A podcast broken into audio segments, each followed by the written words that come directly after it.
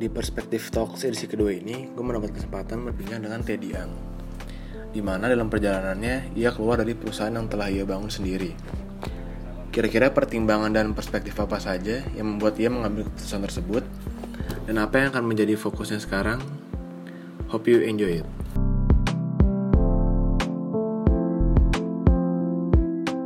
Nama gue Teddy, Teddy Ang dan gue rasa dikenal sebagai siapa ya desainer aja sih. apa sih yang lu lakuin setelah lu keluar dari perusahaan sendiri gitu? Dia kan kalau yang orang sebagian tahu kan lu punya perusahaan desain tuh sebelumnya kan desain company. Di mana karya-karyanya tuh kayak yang mungkin dikenal orang tuh kultura Ya. playroom kayak kebu dan sebagainya gitu. Nah sekarang kan lu udah keluar dari perusahaan lu sendiri nih. Apa sih yang lu lakuin gitu? Ya gue start fulfill mungkin itu dari tahun 2009 2010 which is itu ya sekarang udah 2019 dan gue keluar 2018 which is itu kayak sekitar 8 tahun berarti kira-kira. Ya kesibukan tadi pertanyaannya adalah kesibukan gue ya. Kesibukan gue sekarang adalah awal-awal gue keluar mungkin gue nggak ngapa-ngapain sih literally kayak pengangguran. Selama hampir dua bulan tiga bulan gue rasa nggak ngapa-ngapain juga cukup menarik sih ya di mana kita bisa melihat sebaiknya kita ngapain gitu untuk ke depannya. Dan enjoy aja sih lo gitu. Em, sebenarnya di awal tahun 2017 gue udah mulai kayak merasa agak kosong gitu ya di dalam diri gue kayak gue merasa gue nggak sepertinya harus berada di dalam sebuah rutinitas yang sama gitu ya di dalam sebuah studio tertentu gitu. And then gue one day kayak realize kayak this is not my goal gitu. Kayak gue merasa harusnya tuh gue merasa kayak gue hidup di dalam sebuah sangkar burung yang pintunya sebenarnya kebuka gitu loh. Tapi lu di dalam ya tapi lu nggak pergi. Jadi sebenarnya nggak ada yang larang lu juga kenapa lu nggak pergi gitu ini maksudnya sangkar burungnya itu bukan bukan fulfill ya tapi maksudnya the idea dari rutinitas yang gue lakuin dan gue bangun dari gue selesai kuliah gitu. Karena gue full em, ya cari duit lah intinya. Dan setelah itu gue merasa kayak gue harus kejar passion gue yang lain gitu loh. Karena kalau nggak we'll never know. Lu nggak akan bisa ngerjain sesuatu yang lu pengen banget di luar sana sedangkan lu masih punya sebuah bisnis yang lu harus taking care of gitu. Jadi kayak em, gua rasa I'll take my my risk untuk kayak let's do something new for my life. Karena ya nggak ada kata telat sih ya gitu aja sih. Apa yang bikin lu pertama kali punya niat buat bikin studio sih? Ya jujur aja sih. Ya namanya juga orang Cina Medan. ya kita tetap harus ya cuan ya kan. Ya jadi intinya sebenarnya gue kerja dulu lama banget selama tiga setengah tahun di satu company corporate, which is gue gue memang sengaja masuk ke corporate karena gue gak suka banget corporate. Karena menurut gue itu susah banget untuk bisa eh, berkarya secara corporate maupun ketemu dengan orang-orang corporate. Jadi gue belajar itu semua, and then gue merasa kayak banyak sebuah sistem maupun cara penanganan ya, terhadap ya human to human relationship di dalam sebuah kantor kayak tadi yang gue mention earlier kalau kita harus sebenarnya merasa kayak as a family. Jadi gue merasa kayak itu nggak ada di dalam company gue yang dulu. Which is gue menurut gue ini sebagai formula yang menarik. Makanya that's why gue bikin studio kecil dulunya. Kayak isi paling cuma tiga orang gitu. Dan di sana benar-benar lu kayak kadang masuk kadang enggak gitu. Kadang ada kerjaan kadang nggak ada. Kebanyakan ngerokok sama ngobrol gitu kan. Nah itulah studio yang gue inginkan gitu loh. Tapi ya along the way ya karena terus berkembang dan keinginan untuk terus cuan ya lama-lama akhirnya em, memang sempet hal-hal seperti itu memang agak susah diterapkan. Tapi ya kita harus selalu ingetin diri sendiri sebagai the principle of the company kalau the happiness dari orang yang membantu kita atau berjalan bareng dengan kita itu nomor satu sih gitu. karena keresahan hidup mereka apa pun ataupun diri mereka sendiri itu adalah part dari kita gitu. Ataupun kita juga di dia ya kan? Kayak dia bisa ngobrol apa aja gitu sama gue. Mudah-mudahan I don't know. Tapi ya gue expectnya gitu. Tapi most likely kan orang susah gitu. Ya itu sih. Ada rasa sedih gak sih lu keluar dari fulfill? Ya rasa sedih sih pasti ada sih. Em, gua rasa gimana kalau misalnya lu punya ya itu udah kayak baby kita sendiri ya, di mana kita kita put attention em, besar banget dan em, cinta yang besar banget, and then kemudian dia tumbuh gitu, and then lu realize kalau lu harus keluar dari rumah lu sendiri gitu, atau keluar dari dia gitu. So ya tapi kalau secara di sisi lain juga gue merasa lebih lebih happy sih. Jauh lebih happy juga karena ya itu sekali lagi sih ya. Gue rutinitas itu gue jadi bisa lebih ngatur dan gue rasa goals gue adalah bukan bukan seperti yang dulu gue inginkan. Di mana kalau lu ngebangun sebuah company let's say lu udah punya cuan 10 m gitu oke sekarang lu oke lah lu aimnya tahun pertama cuan lu 1 m gitu. And then lu meeting rapat oh cuan kita 1 m. Oh fuck berarti tahun depan kita harus 4 m gitu misalnya let's say. And then tahun depannya lu udah mencapai 5 m. And then kemudian lu harus bergulir lagi 10 m. Dan gua rasa itu nggak akan pernah kelar. Di mana orang bilang gue mau pensiun gue mau pensiun muda ah. Gue nggak pernah ketemu satu orang pun yang pensiun muda di saat dia ngomong lima tahun lagi gue akan pensiun muda. Begitu di titik lima tahun lagi lu akan nanya lagi kalau belum pensiun? Karena belum cukup. Iya kan? Entah belum cukup adalah karena dia memang merasa memang belum siap untuk meninggalkan company-nya atau apa gue nggak ngerti. Tapi nggak pernah ada yang orangnya namanya pensiun. The concept of pensiun itself aja gue juga nggak setuju. Sebenarnya harusnya kita nggak menganggap itu sebagai sebuah kerjaan. Begitu lu udah bilang lu akan pensiun gue akan pensiun dalam waktu 10 tahun. Mendingan lu tinggalin kerjaan lu sekarang berarti. Karena berarti itu bukan kerjaan lu. Kalau kayak gue lu akan pensiun gak sih? Gue udah pensiun sih gitu. Apa yang gue kerjain sekarang dan sesibuk yang gue sekarang ini adalah sebuah kenikmatan gue aja gitu loh. Gue mau tinggalin semuanya sekarang juga bisa gitu. gue mau pergi kayak let's say gue akhir tahun gue mau ke India 4 4 3 bulan 3 bulan juga gue udah udah ready gitu jadi tapi ya gue tetap kerja bukannya gue engage eh, apa gue bukannya encourage orang untuk supaya nggak kerja semua ya. Tapi di idea dari kerjaannya itu harus berarti berubah. Itu aja sih. Selama lu di fulfill satu karya yang bagi lu itu paling berkesan sih. Kayak ini karya ini menurut lu oh ini karya terbaik yang pernah gue bikin nih selama gue memiliki company fulfill sih. Sebenarnya em, gue pribadi gue melihat sebuah karya tuh dari orang yang ngebuat di belakangnya. Jadi achievement gue yang paling besar menurut gue di dalam fulfill itu adalah begitu kita bisa engage barengan dengan semua desainer, semua lah, semua department kayak misalnya let's say em, marketing lah, gue lah, em, atau partner gue yang dulu atau juga pun sebagai desainer yang bertanggung jawab maupun anak intern.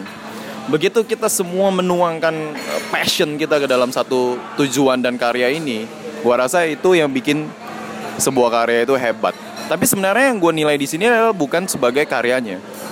Tapi begitu knowledge lu bertambah nggak? Begitu lu ngerjain karya ini gitu. Ataupun apa yang lu misalnya tadi yang lu nggak tahu misalnya let's say eh, begitu kita lagi ngomongin tentang eh, percetakan atau kita ngomongin tentang sebuah konsep yang tadinya kita nggak kepikiran and then kemudian kita bisa tuangin ke dalam konsep itu.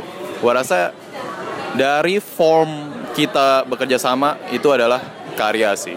Jadi karyanya itu bukan karyanya Esin kayak kliennya itu sih gue gak terlalu pusing sih. Tapi dia idea adalah lu nggak merasa lu pas lagi kerja adalah kerja.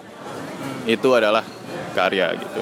Dan gimana sih sebagai lu em, sebagai owner studio untuk ngebangun itu gitu. Iya kan?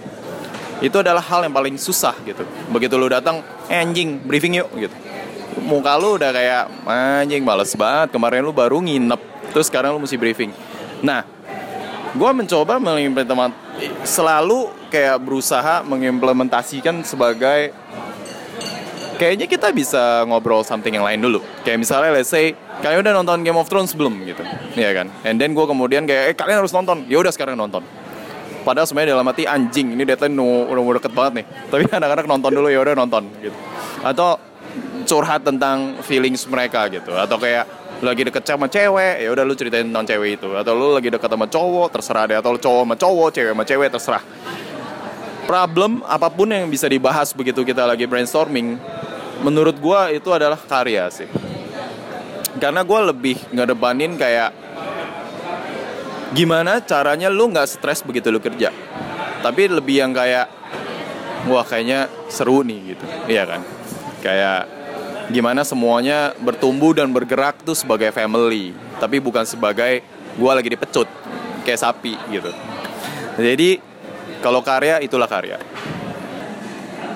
Pandangan lu nih sebagai seorang pelaku desain ya tentang plagiat yang terjadi tuh di industri kreatif terutama desain tuh gimana ya?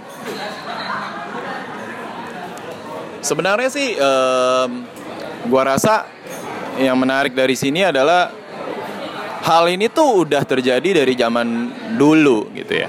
Di kayak misalnya let's say lu jualan soto gitu. Sebelah lu jualan soto exactly the same.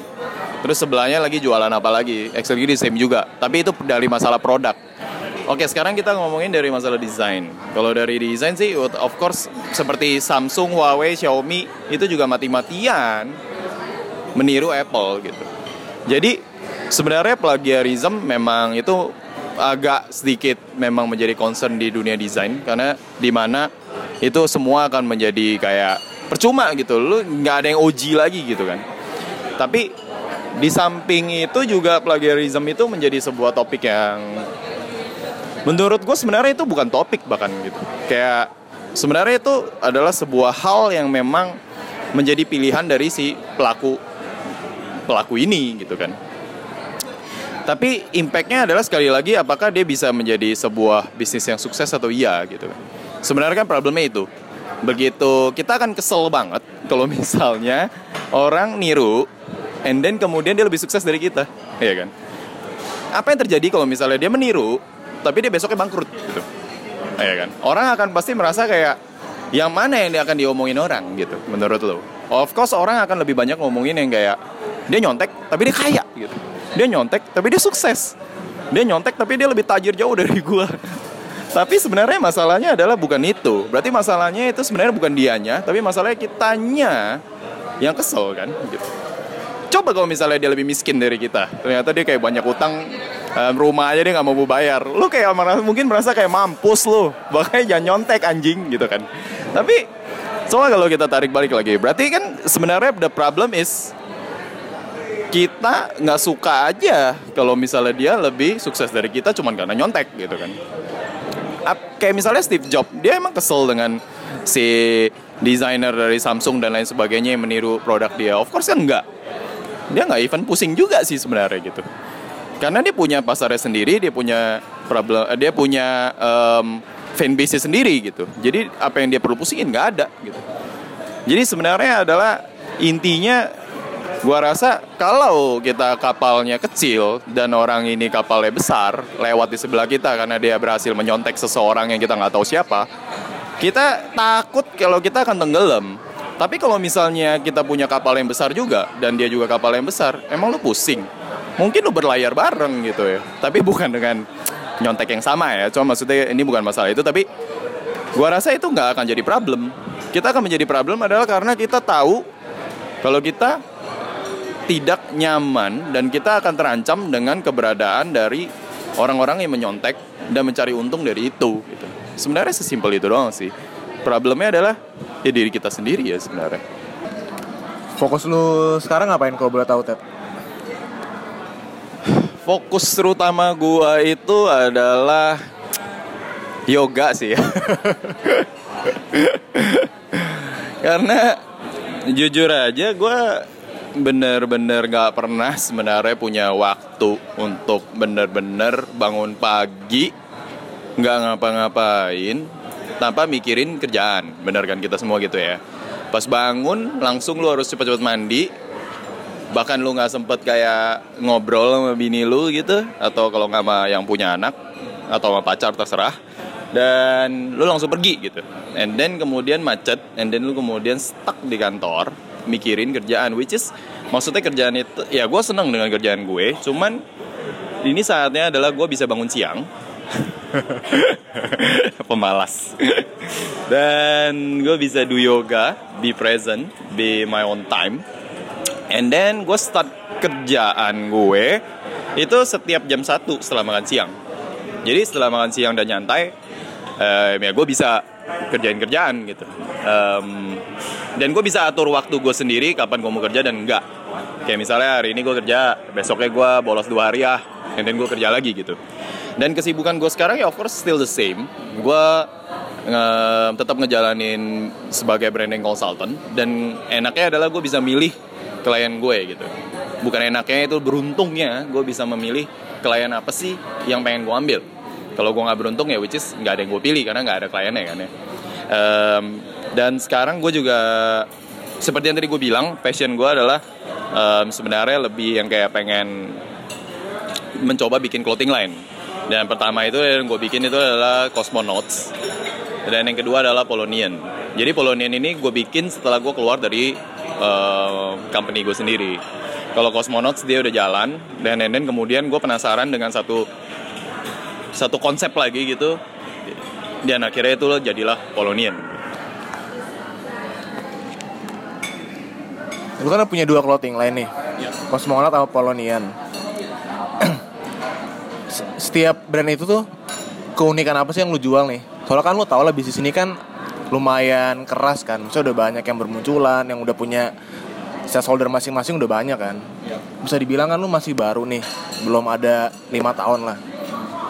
Gimana sih cara lu buat ngeyakinin orang atau unique selling point apa sih yang lu jual dari Cosmonaut sama Polonian ini gitu?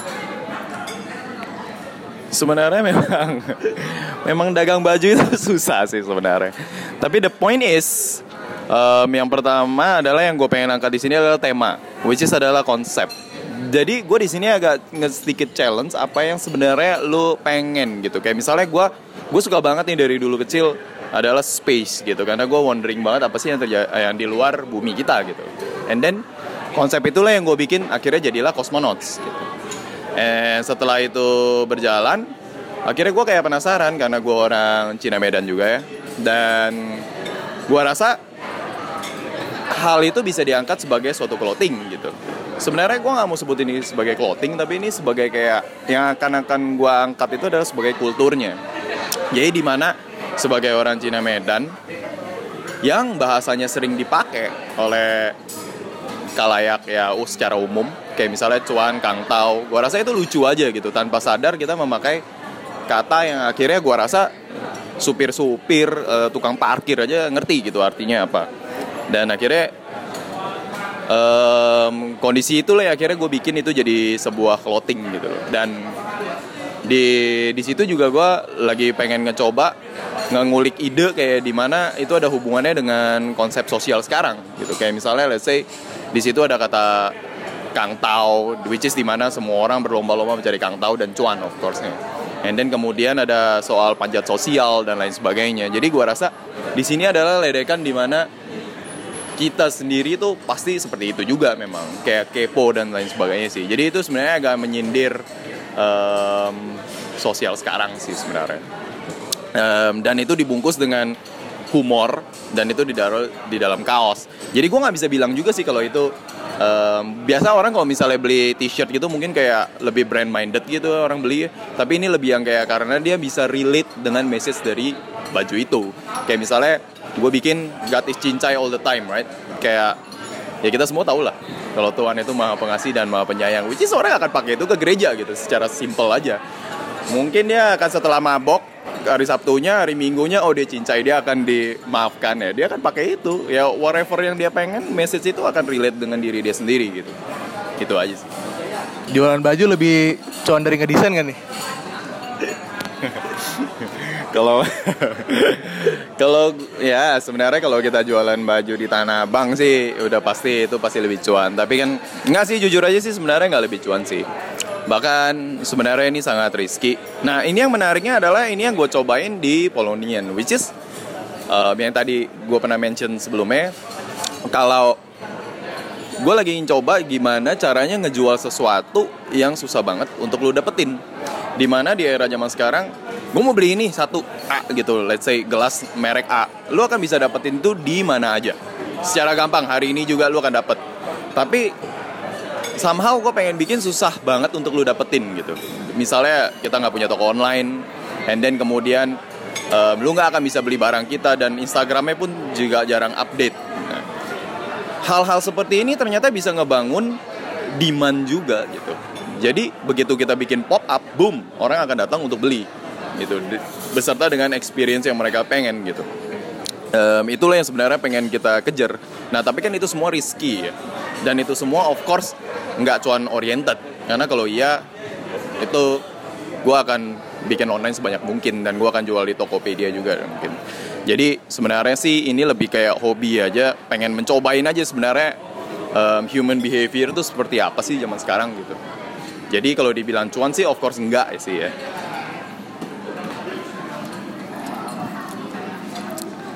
Kalau dari pengalaman lu ngebangun full field terus sekarang mulai bikin kosmonot sama Polonian perubahan apa sih yang lu rasain di industri kreatif itu loh? Dari zaman lu mulai fulfill sama sekarang nih lu punya Polonian sama kosmonaut so kan yang kebanyakan orang tahu kan kalau dari zaman dulu pun lu udah mulai tanda kutip bisa dibilang bergaya lah dari pakaian lu kan? Nah apa sih bedanya yang dulu nih sama yang sekarang gitu setelah lu punya pakaian brand sendiri gitu sama, sama dulu kan lu selalu memakai brand orang lain kan. Kan lu punya brand sendiri nih. Bedanya apa sih? Ya sebenarnya dunia kreatif kita sekarang sangat lagi berkembang sangat sangat cepat banget ya. Gua rasa ini terjadi nggak cuman di dunia bidang specifically design. Karena hampir terjadi di semua um, industri lain juga terserah mau sebutnya industri jualan sekrup kayak jualan handphone kayak jualan pulsa kayak whatever itu semuanya memang lagi naik dan semua kompetisinya juga lagi ketat banget jadi menurut gue ya sekarang of course akan makin lebih ketat lagi. Dan apalagi terlebih dalam dunia kreatif. Which is dengan dibukanya dan meleknya manusia zaman sekarang terhadap teknologi dan sosial media, boom, semuanya makin gila lagi. Belum ada content creator, belum lagi ada instagramer, influencer yang of course itu kan lebih cuan daripada cuman jualan kaos.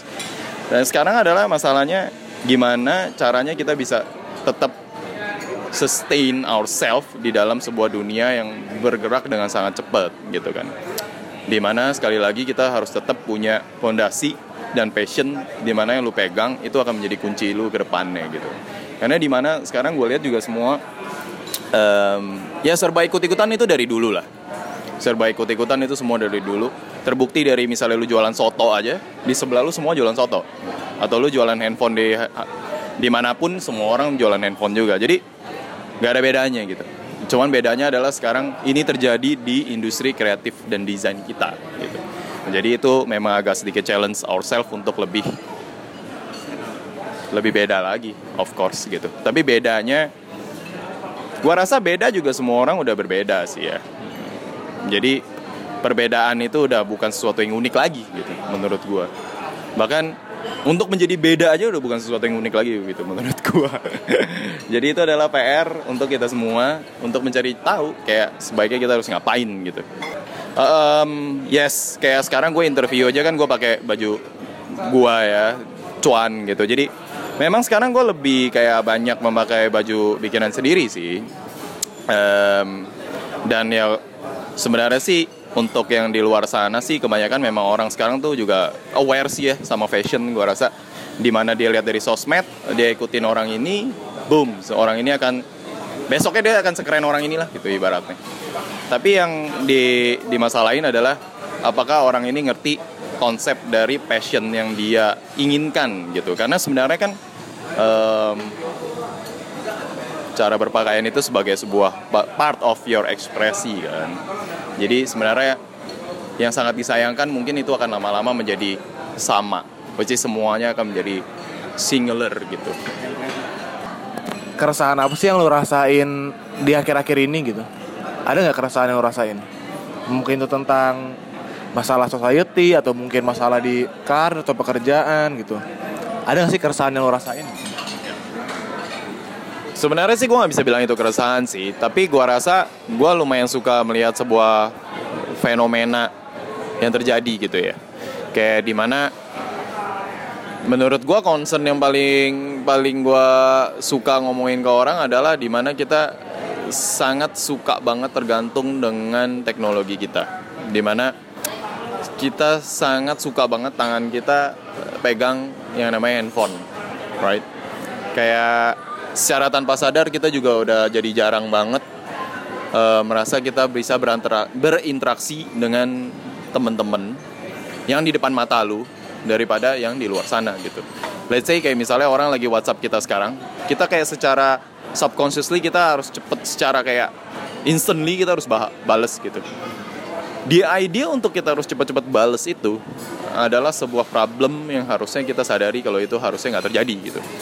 Di mana siapa sih yang maksa lu, lu harus balas sekarang? Gitu ya kan? Kecuali kalau rumah lu kebakaran sekarang gitu. Ya. Sepertinya semua hal itu menjadi sebuah urgency ya kan? Dan urgency inilah yang memasuk ke dalam um, pikiran kita. Jadi kita nggak bisa secara mindful ada duduk secara sadar di sini gitu kita kayak kayak duduk. Sekarang gini deh. Secara 10 menit orang duduk ngapa-ngapain aja. Gue yakin orang zaman sekarang itu nggak bisa gitu ya kan? Duduk nggak usah merem deh. Duduk aja untuk ngelihat ke taman gitu. Itu aja nggak bisa kan? Dan gue rasa privilege untuk itu udah menjadi suatu hal yang hilang. Di mana kayak misalnya let's say gini lu punya studio gue jadi pegawai lu. And then gue bilang sama lu Ariel gue kayaknya lagi pengen jalan-jalan di taman nih. Loh kenapa? Ada deadline lo tapi gue lagi stres sih. Gue kayak lagi butuh me time. Menurut lo lo akan pecat gue hari ini juga?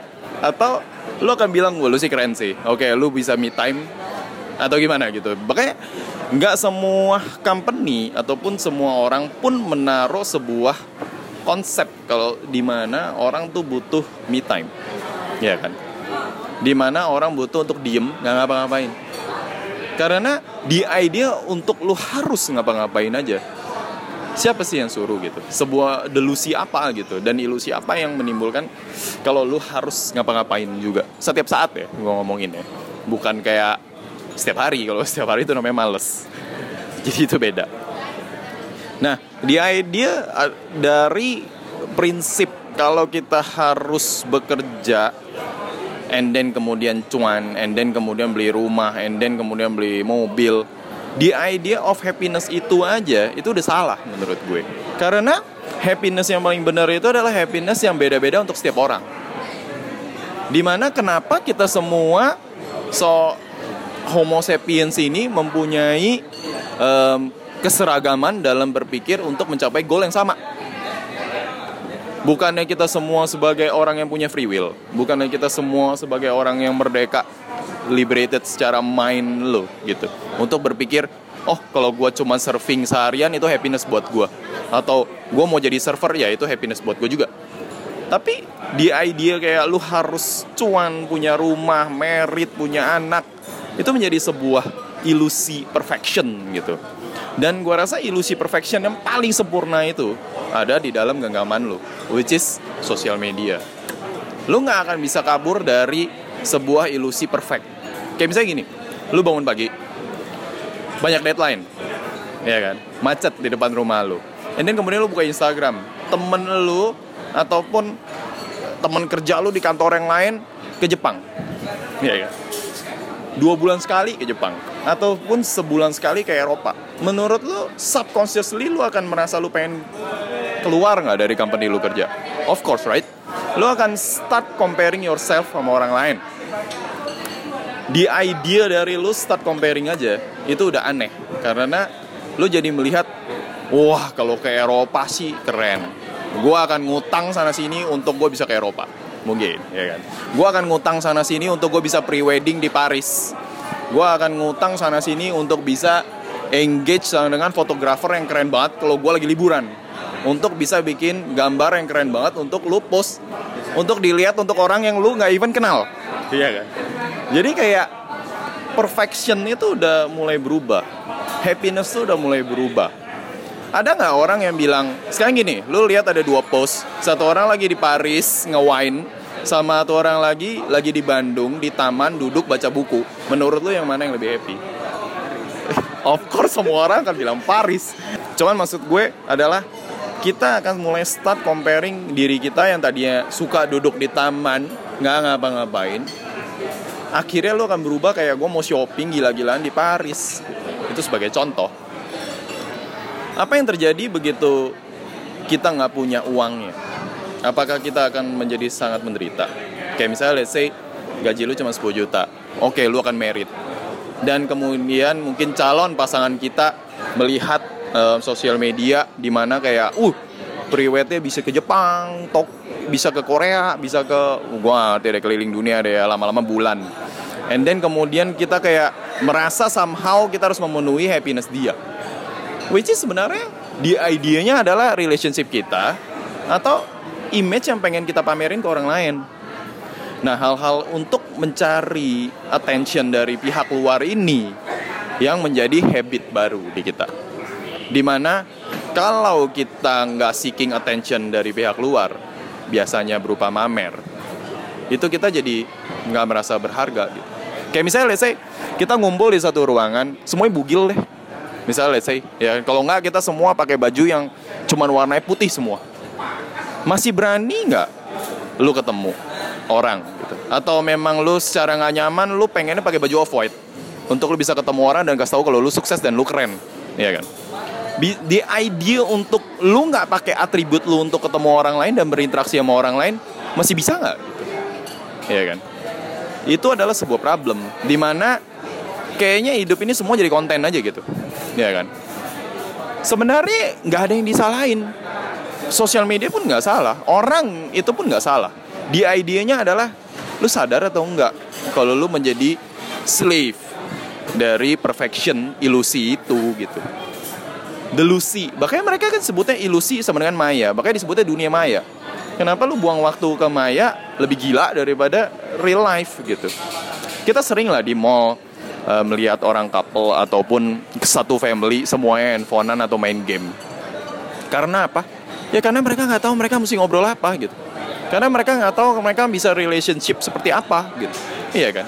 Mereka seperti kita semua udah lupa gimana menjadi manusia seutuhnya itu memang that's the perfect goal dari um, yang namanya tahap tertinggi dari teknologi, which is uh, penurunan sifat manusia. Begitu lu nggak punya bisa nggak uh, punya privilege untuk mikir lagi what should I do, what should I untuk mengejar mimpi, lu akan menyerahkan diri lu ke kalayak publik gitu. Demand, semua itu demand dan supply. So Gua rasa inilah yang subconsciously membuat kita sebenarnya manusia modern ini men, gua rasa akan menuju sebuah titik depression, the great depression gitu. Di mana di zaman dulu dari transisi um, sebuah industri revolusi um, dan sekarang kita merubah menjadi industri revolusi yang modern, which is semuanya akan digantikan menjadi teknologi. Di mana lu bisa tinggal duduk di rumah, lu bisa ngobrol dengan Alexa lu nggak butuh orang lain lagi right kayak lu bisa nanya sama Alexa lu lagi sedih terus suruh dia puterin lagu which is dia udah tahu semua data hidup lu which is dia lebih kenal lu daripada diri lu sendiri gitu that's why menurut gue justru ini gue tarik balik lagi kita harus lebih dik di dalam kayak menggali di dalam diri kita sendiri kayak sebenarnya kita itu siapa sih? gitu. Kita itu bukan sebagai manusia yang sama gitu. Gua nih mau ngapain sih? gitu. Iya kan? Gua nih sebenarnya um, mimpi gua apa?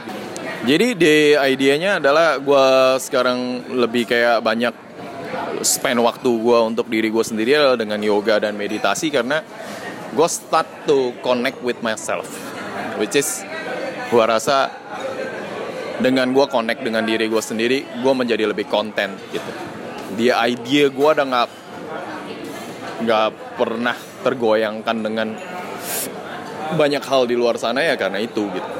Begitu lu bisa lu gimana caranya bisa kontrol company kontrol manusia, kontrol klien lu kalau lu nggak bisa kontrol your own mind gitu, ya kan? Gimana lu nggak lu nggak even bisa duduk kayak 15 menit connect with yourself dan lu mau connect dengan orang lain gitu. Gimana caranya gitu? Nggak ngerti. Orang akan menjadi lebih stres sih of course. Lu akan secara autopilot lu akan ngerjain sesuatu tanpa main tanpa mindfulness yang sepenuhnya gitu. Ya lu kerjain ini, and then kemudian lu kerja itu oh ya meeting and then lu ketawa-ketawa hai capek terus and then lu bisa nyetir pulang gitu semua itu cuma sekejap doang makanya kita selalu merasa kayak wow cepet banget ya waktu selesai. Liburan lebaran lama banget buat gua. Kayak enjoy aja gitu. Karena karena itu sih karena mindfulness itu. Itu sih. Saran atau kritik buat anak-anak muda yang berpelaku sebagai desainer gak sih? Desainer atau pelaku kreatif lah, nggak harus jadi desainer doang. Sebenarnya kalau misalnya saran dan kritik untuk desainer sih gue nyaris nggak ada sih ya, karena menurut gue em, desainer Indonesia dan pelaku kreatif Indonesia semuanya semuanya top lah, semuanya bagus. The problem is semua orang harus em, berlomba-lomba untuk em, menjadi entrepreneur itu adalah menjadi sebuah fenomena baru gitu di, di dunia modern zaman sekarang. Di mana begitu lu lulus, gue mau langsung jadi businessman gitu. Begitu sebelum lulus, lu udah apply apply untuk bikin perusahaan baru gitu. Sedangkan em, tanpa harus melewati yang namanya em, bekerja di dalam sebuah studio. Nah, tuntutan-tuntutan ini tuh membikin dan jadi kayak membuat sebuah ilusi baru. Sedangkan untuk kita semua kayak, gue kayak harus punya studio. Iya kan? Sedangkan nggak semua manusia dibuild untuk sebagai seorang businessman gitu, let's say. Nggak semua orang dibuild untuk menjadi se- seorang yang bisa memberikan sebuah presentasi yang super keren banget di depan 10 orang gitu. Iya kan? Ada orang yang memang dia jago banget, tapi dia nggak bisa ngomong gitu. Atau ada juga orang yang jago banget ngomong, tapi nggak bisa kerja gitu. Iya kan? Ada banyak tipe orang dan sedangkan semua orang di sepertinya secara tidak sadar diarahkan menjadi sebuah satu tujuan, which is lo harus punya bisnis apa pun itu.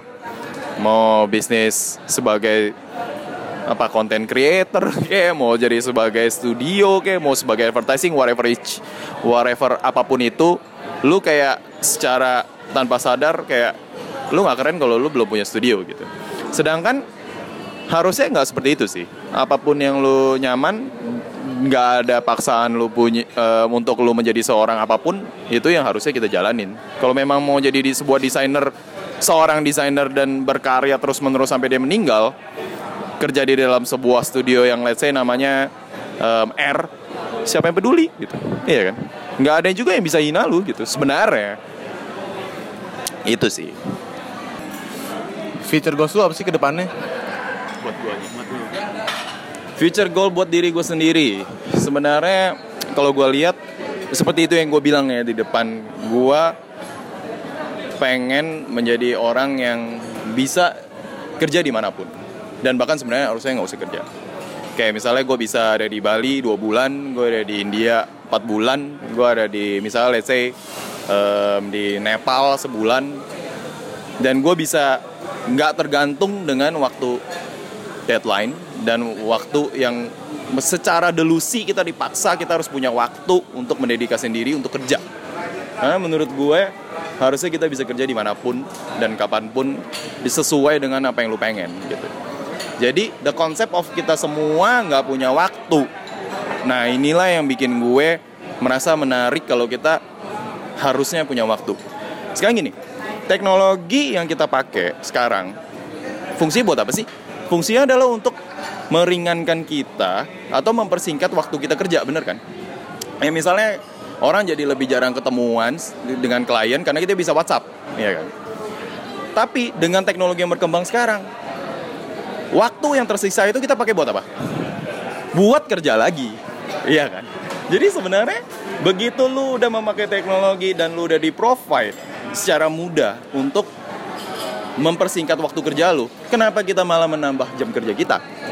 Of course karena dipaksa oleh cuan, bener kan? Kang Tao dan lain sebagainya. Jadi sebenarnya secara dulu sih kita akan selalu dipaksa untuk bekerja lebih cepat, lebih keras lagi dengan sebuah kondisi yang harusnya itu tidak terjadi gitu. Makanya menurut gue ya gue sendiri juga belum apply hal itu tapi gue rasa itu goals gue untuk ke depannya begitu deh